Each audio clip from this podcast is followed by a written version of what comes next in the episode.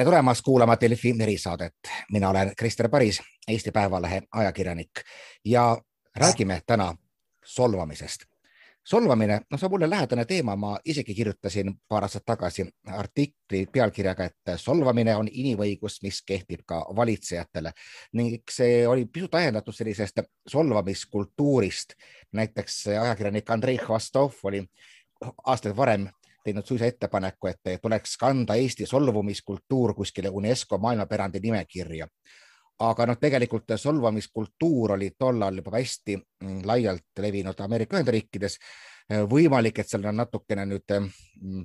päris sellist tormakust maha tulnud ja loomulikult eks ka Eesti on, on osa sellest ka, ka Ameerika kultuurisõdadest, et eks nad ikkagi natukene kiirgavad ka siia. aga miks me sellest täna räägime? ma sattusin lugema äh, ajakirjast Juriidika juristi ja õigusteadlase Nele Bernardi eh, huvitavat käsitlust, mis oli küll noh, tavainimese jaoks väga-väga selline paks ja ju, ju, juriidikat täis ja selle artikli pealkiri oligi see, et kas iga solvamine on õigusvastane. katsume nüüd seda paksu juriidikat kõrvale jätta ja täpselt ikkagi seletada, et mis sa siis kokkuvõttes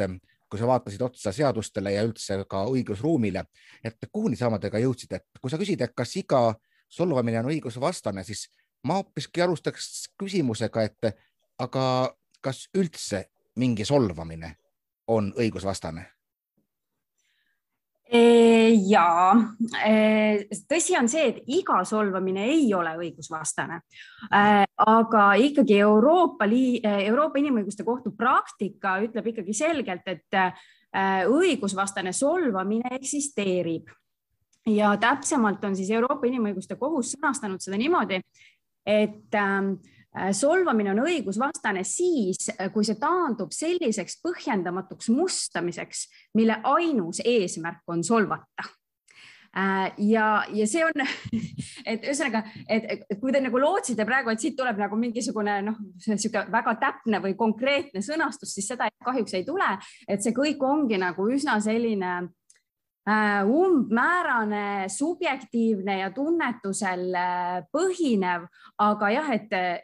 et on selline asi nagu õigusvastane solvamine eksisteerib ja, ja tõepoolest äh, sõnavabadus selles osas ei ole ikkagi piiramatu. No kuidas seda näiteks sisustada, mulle tuli kohe praegu kuulates meelde üks selline väike lause Kalle Grünthalilt Riigikogus, et kui ta küsis peaministrilt, et kuidas sa siia said lilleke, mis ilmselgelt ei andnud diskussioone midagi juurde, aga oli mõeldud selleks, et eh, küsitletaval jalad alt niita. Ehm, jah, et äh, jah, seda tulebki sisustada täpselt niimoodi, et kui selles äh, et kui,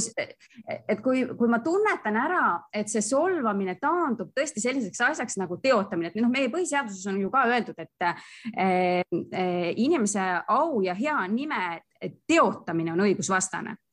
aga see ei ole see, et inimese au ja hea nime solvamine on õigusvastane, vaid teotamine, et minu meelest see sõna, see põhiseaduses kasutatud sõna, see teotama, sihuke arhailine Eesti, sihuke natukene, ma ütleksin, sihuke maagiline sõna äh, nagu viib meid ilusti selle mõtte või, või selle pointini, et, et see solvamine peab olema teotav. Ja mis on teotav, see on ikkagi see, kui ma lähen Äh, kui ma ei lähe teist inimest, äh, et ma ei solva teda selle mõttega, et ma tahan talle öelda, et ta teeb midagi valesti äh, või et tema argumendid on valed või et ta on teinud midagi ebamoraalset, et ma, vaid ma tahangi just nimelt teda alandada, tema inimväärikust alandada. vot siis me jõuame selle õigusvastase solvamiseni. no vot, ma, kui nüüd keegi ennast ära tunneb, siis eh, kindlasti mõni anonüümne netikommentaator, et kui vaadata neid või siis ka nüüd juba sotsiaalmeedias ka omaenda nime all eh, tulevaid postitusi, siis eh, mõni võiks öelda, et vaata, et enamus on just nimelt taolise sisuga, mida sa kirjeldasid, et mis noh, ma ei tea, kui inimene läheb praegu politseisse, ütleb, et mind on solvatud õigusvastaselt, siis tõenäoliselt saab ta vastuse, et vabandust, pöörduge tsiviilkohtusse või mis üldse siis võiks saama hakata teoorias? ja selles mõttes on õige, et politseisse ei maksa sellega minna, et, et see on ikkagi äh, tsiviil äh,, tsiviilvaidluse küsimus äh,. aga ma ei ole nõus sellega, et äh,, et selle definitsiooni järgi äh, me saame äh, siis igat solvangut äh, pidada õigusvastaseks et pigem vastupidi, et meil võib-olla läheb kaduma see sõna ainus et solvamine on õigusvastane siis, kui selle ainus eesmärk on solvata, mitte see, kui selle eesmärk on solvata, vaid kui selle ainus eesmärk on solvata. ja ah,, nii, nii, nii, kui, kui, kui argumendi ette käib, et sina vana mudakoonlane või mis iganes, aga siis tuleb ka argument, siis on just nagu noh, õiguse mõttes kõik korras. ja nii on ja, ja nii on ja Euroopa Inimõiguste Kohtu praktika sellele viitab ja tegelikult viitab sellele ka meie Riigikohtu praktika. ja jah et ähm, aga see on muidugi nagu hindamise küsimus, eks ole, et, et see ongi, see ongi noh, see on tõesti see, ta on hästi subjektiivne, see on kohtuniku tunnetuse küsimus ja, ja siin nagu selles mõttes on sul ka muidugi õigus, et tõepoolest kui me vaatame ka Euroopa Inimõiguste Kohtu praktikat ja vaatame seda nii-öelda kohtuotsust näiteks solvamise kohta, siis ei ole niimoodi, et kõik kohtunikud leiavad äh, üksmeelselt, et nüüd äh, meil oli õigusvastane solvamine või nüüd meil ei olnud õigusvastast solvamist, vaid äh, kohtunike arvamused võivad täiesti jaguneda pooleks niimoodi, et ühe kohtuniku otsus otsustab, et nüüd ma leian, et see oli õigusvastane solvamine või ma ei leia või ma leian, et see ei olnud. ehk siis see on see on ka muide põhjus, äh, miks peab olema väga ettevaatlik äh, sellise mm, äh, nii-öelda noh, selliste sanktsioonide kehtestamisel, sõnavabaduse sanktsioonide kehtestamisel, sest et ta on niivõrd tunnetuslik ja siin ei olegi tegelikult noh, niisugust konkreetset või kindlat lahendust, vaid see on alati niisuguse subjektiivse hindamise küsimus, et eh, nagu õigusterminoloogiliselt kasutatakse siis sellist sõnastust, et me, me kaalume erinevaid äh, siis põhiseaduslikke õigusi ja, ja hüvesid ja et see on siis nagu niisugune kaalumise otsus, et me vaatame, kas, kas nii-öelda see piirang on proportsionaalne või mitte ja nüüd see piirang, see väljendusvabaduse piirang, äh, ta ei tohi halvata sõnavabadust et ta ei tohi mõjuda sõnavabadust halvavalt, aga noh, selles mõttes, et kui me tõesti äh, hakkame kohaldama seda nii-öelda Euroopa Inimõiguste Kohtu lauset nii nagu, nagu sa välja tõid, et põhimõtteliselt võiks ju iga, iga solvangu siis ära keelata, siis me noh, siis me tahes-tahtmata jõuame selleni, et me ikkagi halvame sõnavabaduse, et me keegi ei julge enam mitte midagi rääkida ja selle tulemus on see, et meie kõik probleemid jäävad lahendamata. Kõik kuidagi no, meeldib. ühiskonnas ei ole hea. mulle Moskva sõbrad ütlesid, et hea solvang on selline, millest solvatu kohe arugi ei saa, aga, aga pärast talle alles jõuab kohale. aga see selleks, et ma saan aru, et, et nagu et olemuslikult, kui kohtunikud selliseid asju arutavad, siis nad üritavad nagu enda jaoks sedastada, kuidas üks tervemõistuslik kolmas inimene kõrvalt seda asja näeks ja eh, see terve mõistuse niisugune äh, kategooria on, on täiesti olemas ja kohtud seda kohaldavad ja muidugi noh, kes on see tervemõistuslik inimene, kellele see on kohtunik, eks ju, et et, et see eh, ja noh, siin noh, et see siin on jah, õiguskirjanduses ja muidu on nagu ka välja toodud, eks ju, et, et kelle perspektiivist kohtunik seda hindab, ikkagi kohtuniku perspektiivist, et, et noh, et aga kas kohtunik on see keskmine tavaline inimene, eks ole, noh ilmselt mitte mitte, aga no sellega me peame leppima, et jah, et see et mõistliku inimese perspektiivist me seda väljendatud, väljendatut, mida siis see solvaja on nagu väljendanud, äh, et seda me hindame, me hindame siis seda konteksti, milles ta seda ütles, miks ta seda ütles, mida ta sellega öelda tahtis ja siis me saame teha järelduse, et kas see tõesti oli siis äh, solvang, mis oli tõesti suunatud ainult teise inimese inimväärikuse alandamiseks või tal oli ikkagi mingi tõsine mure, mida ta tahtis väljendada, ähm, mingi probleem, mida ta tahtis lahendada ja, ja lihtsalt see vestlus läks äh, tuliseks, aga, aga see ei ole probleem, eks ju. No läheme natukene nüüd konkreetsemaks, et ka sama artiklis puudutasid ühte märgilist kaasust juba hästi ammu, paljud võib-olla ei mäletagi seda enam, aga oli üks ajakirjanik Enno Tammer, kes küsis tollal Laanaru nime kandvalt siis Vilja, Vilja Laanarult küsimusi. Ja muuhulgas oli küsimuses see, et kelle, umbes, et kellena ta ennast tunneb, kas rongaemana mille peale too pöördus kohtusse ja lõpuks vaieldi välja Riigikohtuni välja ja Enno Tammer jäi süüdi oma küsimuses esitatud hinnangulise väite pärast. no kuidas see nüüd kõik sellesse konteksti paigutab, see on ikkagi pretsedent Eestis ju äh, ja, ja see noh, ütleme nii, mina olen selle lahendi suhtes väga-väga kriitiline. Äh, ma arvan, et äh, Riigikohus teeb seal mitmeid vigu, just loogilisi vigu Äh, ja, ja eelkõige oma sõnastuses, et ma ei ole nagu, ma ei ole siiamaani päriselt äh, selgusele jõudnud selles, et kas see materiaal õiguslikult, et kas ta sisuliselt oli äh, sada protsenti vale kaasus, sest probleem tekib seal, seal selles, et Enno Tammer mõisteti süüdi Vilja Laanaru siis noh, see õigushüve nagu, mida see paragrahv tollal kaitses, oli au ja hea nimi, aga samas süüdi mõisteti ta tegelikult ju nagu selgub hilisemast Euroopa Inimõiguste Kohtu lahendist eh, hoopiski Vilja Laanaru eh, eraelu puutumatuse rikkumises, et eh, põhimõtteliselt see au ja Euroopa Inimõiguste Kohtu praktikas on ka selline lähenemine, et teatud juhtudel võib siis au ja hea nime rikkumine muutuda siis eraelu puutumatuse rikkumiseks. Äh, et maine võib olla siis äh, artikkel, äh, kas ta oli siis vist kaheksa, eraelu puutumatuse osa aga see on nüüd noh, see, see on ainult erandjuhtudel ja see on seda Euroopa Inimõiguste Kohtu praktikas käsitletakse sellisena siis ainult juhtudel, kui see eraelu puutumatus nagu kui see au ja hea nime nii-öelda rikkumine hakkab tõeliselt seda eraelu puutumatust häirima. ja noh, on küsitav, kas Äh, Vilja Laanaru puhul äh, see niimoodi oli, arvestades, et ta ju tegelikult ise tõi oma eraelu avalikkuse ette, ta avaldas selle äh, eraelu puudutava raamatu. Äh, ja et ühesõnaga, see on ja, ja arvestades ka tema nagu hilisemat poliitilist karjääri, et ta on olnud ikkagi kõrge lennuga poliitik. Äh,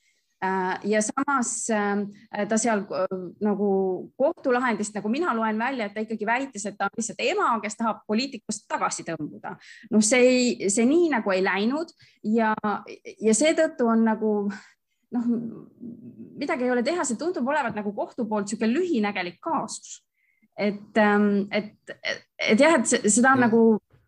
raske nagu hinnata. jah, et ta nagu jah, ammu tehtud, aga noh, tegelikult noh, hea küll, et Eestis ei ole pretsedendiõigust, aga ikkagi Riigikohtu suunised ju ikkagi on eeskujuks kohtunikele, et kui sa ka enne tõid välja, et igasugused noh, piirangud peavad olema võimalikult ikkagi hästi põhjendatud, et mitte lämmatada sõnavabadust, no siis mitte keegi teine ei tea seda paremini kui ajakirjanikud, kes võiksid olla väga mures, kui, kui kohtuvõim sekkub ikkagi sellisesse väljendusvabadusse, et mis sa arvad, kas kas see kuidagi pädeb ka, ka veel, ka veel praegu või ta tegelikult ongi ikka jäänud sinna kuskil üheksakümnendatesse ja, ja keegi seda päriselt uuesti taolist kaasust kohandama ei hakka? no ma tahaks öelda, et ei hakka, sellepärast et äh, äh olgem ausad, see oli ka põhjus, miks solvamine dekriminaliseeriti äh,. ja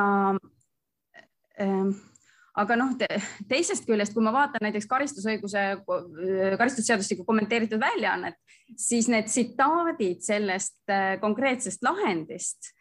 äh, on, on seal nagu täiesti olemas ja läbi selle ikkagi defineeritakse, defineeritakse solvamist. Ja noh, väga problemaatiline on see, et, et kohus ju põhimõtteliselt samastab äh, siis solvamise halvustamisega aga noh, see, sellega ta põhimõtteliselt ju keelab ära kriitika. et ähm, noh,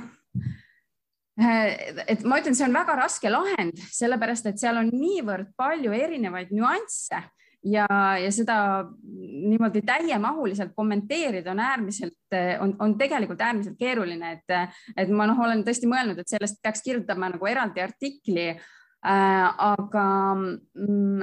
et, et see on nagu ma loodan, et pigem see on ikkagi lahend, mis jääb nagu ajalukku, aga, aga noh, selles mõttes ähm, ta jääb ajalukku ainult siis, kui me ikkagi tuletame pidevalt meelde, et see on väga problemaatiline lahend. ma just üldse mõtlesin, et huvitav, et kui ma olen kuulnud, et tihti, kui on taolised juhtumid kohtus, noh, mitte võib-olla solvamise koha pealt, aga ütleme ka näiteks laimu koha pealt ja puha, siis teine koht, kus äh, satub sõnavabadus minu kui ajakirjaniku poolt vaadates löögi alla, on see, kui kohus võtab väga sellised nii-öelda entsüklopistliku lähenemise, ta küsib, et kui te ütlete, et ta on varase liiderdaja, et kus on tõendid selle kohta? Ja kui sa üritad väita, et tegemist on sellise kujundliku sõnademänguga, mida, mis kogu kontekst arvestades on igale normaalsele mõistusega inimesele arusaadav, siis see, see ei pruugi tegelikult kohtunikku veenda oleme kuulnud umbes taolistest juhtumitest, et kuidas sulle jääb mulje, kas, kas, kas kohtunikud saavad Eestis aru, kui sellisest nii-öelda noh, mängu, mänglevast sõnakasutusest, mis tõepoolest vast, nii nagu meedia kirjutab, peabki olema teinekord torkav ja selline ärritav ja mõtlema kutsuv no kohtunik on nagu kõigest inimene. Et ma noh, see, see ongi niimoodi, et kas, kas teised inimesed meie ümber saavad sellest aru, et need ühed inimesed saavad aru, teised inimesed ei saa aru ja kohtunik on tegelikult täpselt samasugune inimene nagu me kõik teised. et äh, kui meil on, et mina nagu arvan ka, et, et me ei saa panna kohtunikule äh, ikkagi sellist rolli Äh, ja sellist vastutust, et, et, et ta peab nüüd hakkama kõiki, kõike meie öeldud siis sellisest prismast nagu hindama, et ja see, mis sa nagu välja tõid, et see ongi probleem kohtupraktikas, et sellest on kirjutatud ju ka magistritöid ja teadustöid ja, ja et kas kohus ikkagi alati õigesti eristab faktiväidet ja väärtushinnangut näiteks, et see on väga suur küsimus, et eh, tihtipeale inimesed on avaldanud, nagu sa ise ka praegu välja tõid, eks ole, väärtushinnangu Äh, äh, aga kohus tõlgendab seda faktiväitena ja, ja on väga suur osakaal inimesi, kes leiavad, et see on, noh, see on selgelt väärtushinnang, aga seda on tõlgendanud, tõlgendatud faktiväitena ja jah, see on probleem. Äh, ja, ja ega siin noh, jällegi, et siin nagu head lahendust ei ole, me peame lihtsalt lootma nagu, et meil on targemad kohtunikud, et kohtunik peab olema üliinimene. Nagu ma saan aru, saan aru, siis noh, neid halle tsoone on palju, et noh, täpselt samamoodi siis, et ka solvamise ja laimu vahel on noh, järelikult ka selline veidikene hall tsoon, et puht, nii nagu mina aru saan, laim on valeväide, aga just, et valeväide võib olla ka hinnang, mis, mis noh, ühe jaoks on hinnang, teise jaoks on, on faktiväide, et, et ka siin on see koht, kus siis äh, erinevad paragrahvid, erinevad seadused omavahel kuidagi lõikuvad ja põimuvad Äh, nojah, äh, meil on jah olemas, eks ole, äh, siis laim. ja see on siis laimu, eks ole, sa esitad mingisuguse vale fakti väite, valetad kellegi kohta midagi. et noh, teoreetiliselt peaks see olema nagu üsna lihtne selles mõttes, et kui sa oled kellegi kohta midagi valesti väitnud, siis noh, ajakirjanikuna sa lihtsalt äh, ütled näiteks, kui sa tõesti ei olnud selles osas nagu pahatahtlik, ütled, et ups, vabandust Äh, tunnistad üles, et jah, läks valesti, äh, vabandad ja tegelikult peaks siis olema nagu asi korras. ja siis tuleb, tuleb sulle kaela, kaela Robert Sarv ja siis tuleb see ja nii on ja, ja, ja selles mõttes ega jällegi ma just lugesin siin ühte sihuke no, kokkuvõtet siin äh, siis e-, Euroopa seaduste taustal, et ega, ega see ongi see ongi probleem ja, ja sellepärast me, meil peabki olema niimoodi, et need äh, esiteks need karistusmäärad võiksid olla võimalikult madalad äh,. teiseks äh, et me peame lihtsalt ikkagi jah, arvestama sellega, et ka see äh, õiguslik protsess iseeneses see, et sa pead minema kohtusse ja, ja siis nii-öelda Robert Sarvega vaidlema hakkama, see on koormav Äh, ja, ja see ei ole, noh, see ei ole lihtsalt niisama, et see protsess ise võib olla väljendusvabadust halvav. ja ma just, kui ma just hiljuti avaldasime ka ühe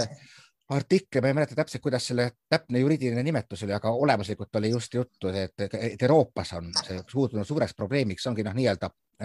ütleme siis pahatahtlik hagelemine ehk siis, kui sa hakkad uurima kellegi tegevust, aga selle, kelle, kellelgi on piisavalt raha ja et palgata advokaate ja sind läbi aastate pikkuse kohtuprotsessi vedada, siis teinekord inimene mõtleb ikka mitu korda järele, enne kui teema üldse üles võtab. jah, nii on Äh, ja, ja see ongi, noh, see ongi see nii-öelda välja, väljendusvabadust halvav mõju, äh, noh, mida, mida tegelikult äh, noh, ei tohiks olla. Et noh, loomulikult on see, et me peame ikkagi mõtlema ka oma sõnade peale me mõtleme, peame mõtlema ka selle peale, et, et me peaksime olema ettevaatlikud oma sõnadega, eriti näiteks mingite laimu äh,, laimuasjade puhul, et me peaksime nagu mõtlema, et noh, et noh, mida me ütleme ja kas see, mida me ütleme, on tõesti, et, et kas me tunneme, et see on tõsi? Äh, ja oleme vastutustundlikud selle, eriti ajakirjanikud äh, oma väljendatu osas, aga äh, noh, üldiselt jah, sa jälle viitad nagu väga õigele probleemile ja see probleem on ja ega ma ei oskagi selle kohta midagi öelda, et see probleem on ja see probleem jääb, ega see ei kao kuskile kus me Eestis nüüd üldse sellises, ütleme maailma, noh läänemaailma äh, skaalal oleme, et noh, sõnavabadusel on väga erinevaid dimensioone, et Ameerika Ühendriikides on see kaitstud põhiseadusega märksa tugevamalt kui paljudes teistes Euroopa riikides. no mul endale tuli just kohe meelde praegu äh, tuntud menuraamat Loe tätoveeringuga tüdruk, millest ka film, kaks filmiversiooni tehti, kus ka ajakirjanik läks oma töös just nagu tehtud eksimuse tõttu kaheks kuuks reaalselt vanglasse. ehk siis nagu õigussüsteemid on päris erinevad, et kus, kui kaitstud ikkagi selline noh, sõnavabadus ka, aga ütleme läbi selliste, no ütleme siis halvustavate väidete, solvangute ja muu äh, Eestis üldse on see on jälle nii hinnanguline küsimus. ma, ma arvan tegelikult, et Eesti olukord sõnavabaduse seisukohast ei, ei ole väga halb, et kuigi ma ise kirjutasin väga kriitilise artikli äh,, aga tegelikult äh, ma, ma iseenesest äh, täiesti hindan äh, Eesti kohut, ma arvan, et Eesti kohtunikud on väga targad äh, ja kui ma võrdlen neid nii-öelda muu maailmaga, siis ma arvan, et Eestil on ikkagi väga vedanud et äh, ma arvan, et meil on noh, tõesti, ma täitsa südamest arvan, et meil on nagu parim kohus võimalikest kohtutest, arvestades seda, et ega kohus ei ole kunagi ideaalne, et kohu, kohut ikkagi mõistavad inimesed, kohtunik on ka inimene äh, ja me oleme kõik äh, sootsiumis, mis on ikkagi alati suunatud mingisugustest poliitilistest veendumustest ja no arvata seda, et nagu kohtunik teeks otsuse, et ta suudaks teha otsuse ikkagi nagu täiesti nii-öelda puhta lehena noh, no võib-olla mõned suudavad. Äh, aga, aga, aga see on ikkagi nagu, et me kõik oleme ikkagi oma nagu sellest ühiskonnast mõjutatud. Ja, ja jah, et ma pigem, ma pigem olen jah, nagu positiivselt meelestatud, et ma arvan, et meil on mõned vead, et meil on just mõned siuksed süstemaatilised vead, eks ole, et kuidas me tõlgendame seda põhiseadust, et kuna meie põhiseadus on ju tõlgendanud põhiseaduse paragrahvi seitseteist kui äh, õigust aule ja heale nimele. Äh, aga noh, tegelikult põhiseaduses on lihtsalt öeldud, et igal ühel on õigus sellele, et tema au ja hea nime ei teotataks. et kohus läheb ehk oma sõnastuses natuke liiga kaugele, on natukene liiga ettevaatamatu ja, ja see noh, nii-öelda kui me räägime sellest solvumiskultuurist, eks ole, et see, see võib omakorda nii-öelda tõstatada nagu niisugust veendumust, et noh, et kõik inimesed nüüd peavadki mind austama, aga ei pea, et demokraatlik ühiskond ei ole äh, niimoodi üles ehitatud, et demokraatlik ühiskond ongi üles ehitatud konfliktile äh,. me peamegi nii-öelda võitlema oma koha eest ühiskonnas äh,. see on tegelikult meie kohustus et, et noh, me, me võime seda mitte teha, meil on ka see õigus, et me hoiame ennast ühiskonnast tagasi, aga noh, tegelikult kui me reaalselt mõtleme, et kui me tahame, et demokraatlik ühiskond toimiks, siis me peame siin ikkagi rääkima me ei saa lihtsalt vaikida ja rääkimisega käib tahes-tahtmata kaasas, et me riivame kellegi tundeid. Äh, see ja ka see, et me arvame, arvame kellestki halvasti, et noh, nagu seesama Euroopa Inimõiguste Kohtu lahend, eks ole, kus Euroopa Inimeste Kohus on öelnud, et on okei okay öelda teise inimese kohta idioot kui teine inimene on andnud selleks põhjust sellega, mida ta on öelnud, kui ta on ise seda tegelikult provotseerinud ja, ja siis vastuväitja siiralt arvab, et noh, et sa oledki idioot, et miks sa midagi sellist nagu väidad, eks ju, et, et see on, tegelikult on see okei okay, niimoodi öelda. Äh, aga noh, selles mõttes, et see jällegi, see ei taha, tohi taanduda selliseks põhjendamatuks mustamiseks, mille ainus eesmärk on solvata. et siin on see piir kui me vaatame nüüd veel natukene siis neid riike, mida ei saa nimetada päris demokraatlikeks, no seal on erinevad eh, piirangud, noh, paljudes riikides on lubat-, on keelatud eh, solvata riigipäid, mõne pool on suisa, noh, täiesti solvamise seadused, Tai kõige tuntum näide. aga no näiteks ka Venemaal võeti vastu siis usklike tunnete solvamise eest kaitsev seadus ähm, ikkagi küsin ka Eesti kohta, kas, kas ka meil on mingeid kategooriaid, eh, kes on, on rohkem kaitstud, mul tuleb kohe meelde, noh mm -hmm., president vist ei ole, aga kohe tulevad meelde näiteks politseinikud, et kas mitte võimuesindaja solvamine on kuidagi öö, rohkem või kas võimuesindaja on nagu rohkem kaitstud ka sellise halvustava kõnepruugi eest? No põhimõtteliselt on küll, aga siin on, see on nüüd jälle, see ei ole nii ühene vastus sellele küsimusele, et, et äh, meil on olemas äh, siis tõesti mm, karistusseadustikus paragrahv kakssada seitsekümmend viis mille kohaselt on siis võimuesindaja solvamine keelatud ja meil on olemas ka paragrahv kolmsada viis, mille kohaselt on siis kohtu solvamine keelatud, see tähendab siis ka seda, et kohtukohtuniku või rahvakohtuniku solvamine. Ehm, ja need on nüüd tõepoolest meil äh, siis kriminaalkaristuse ähvardusel keelatud. Ehm, aga näiteks selle võimuesindaja solvamine on, see on, see on avalikku korda kaitsva võimuesindaja solvamise eest seoses tema ametikohustuse täitmisega. ehk siis tegelikult see tähendab seda, et kui politsei ajab tänavatel näiteks rahvarahutusi laiali ja siis ma lähen sinna teda solvama, siis vot siis selle eest ma võin saada karistuse. ühesõnaga, kui, kui politsei on nagu aktiivses töösituatsioonis ja ma aktiivselt segan tema töö tegemist. Eh, vot siit on tõesti olemas ka Euroopa Inimõiguste Kohtu praktika, mis, mis nii-öelda kiidab sellise kriminaalkaristuse heaks või noh, ma ei saa öelda, et kiidab heaks, see on võib-olla vale sõna, aga, aga noh, et, et ütleme niimoodi, et Eesti õiguses ma ütleksin, on balanss siinkohal tegelikult nagu paigas, aga see ei tähenda seda, et ma ei ei võiks ajakirjanikuna öelda, et äh, äh, politseinikud on metsikud elajad univormis sellepärast, et nad ajasid rahvarahutused laiali Äh, nagu noh, käitudes äh, halvasti, olles liiga jõulised ja, ja kõiki selliseid asju, et ühesõnaga selles konkreetses situatsioonis, kui politsei peab korda hoidma, siis ma ei tohi talle vastu hakata, ma pean laiali minema, lõpetama oma tegevuse ära, aga pärast ma võin seda karmilt kritiseerida ja ma võin ikkagi oma arvamuse asjast selgelt välja öelda. Ja politsei peab sellega leppima. Äh, ja nüüd on kohtu äh, osas on muidugi piirid natukene hägusemad, et ähm, Euroopa Inimõiguste Kohus on ikkagi rõhutanud seda kohtuniku erilist rolli ja positsiooni tsiviilühiskonnas. Ja seda, et meil Äh, peab olema äh, usaldus kohtunike vastu ja ähm, seda usaldust, et me võime kohtunikke kritiseerida, me võime kohut kritiseerida, see on kõik lubatud, see on osa tsiviilühiskonnast ja nagu ongi, et ajakirjandus on ju neljas võim Äh, ajakirjanduse roll ongi kritiseerida ühiskonda, ka kohut sealhulgas, kui kohus, kui ta ei ole mingisuguste kohtulahenditega nõus ja, ja noh, nagu näiteks hea näide on seesama Rongaema kaasus, eks ju, mida väga teravalt kritiseeriti ja mille tulemusena tegelikult seadus muudeti ära, et kohtult nagu kohtuvõimu natuke muudeti äh, ja see ongi, see ongi tsiviilühiskonna roll ja, ja seda kõike võib teha ja see kõik on hea. aga äh, selle nagu see piir, kui kaugele ma võin selle kohtuniku kritiseerimisega minna, äh, on ikkagi äh, ma ei oska seda sõnastada selles mõttes, et noh, et ühesõnaga see piir on nagu, et, et me ei või nagu lihtsalt noh,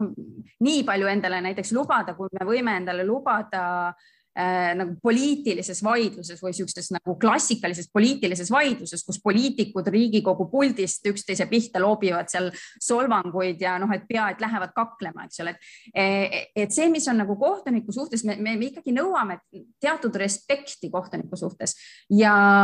ja, ja, ja see, see tõesti noh, tuleb ka Euroopa Inimõiguste Kohtu praktikast välja, et, et selline nagu niisugune välja kujunenud arusaam siis selle väljenduse suhtes, mis kohtuniku suhtes on lubatud, on,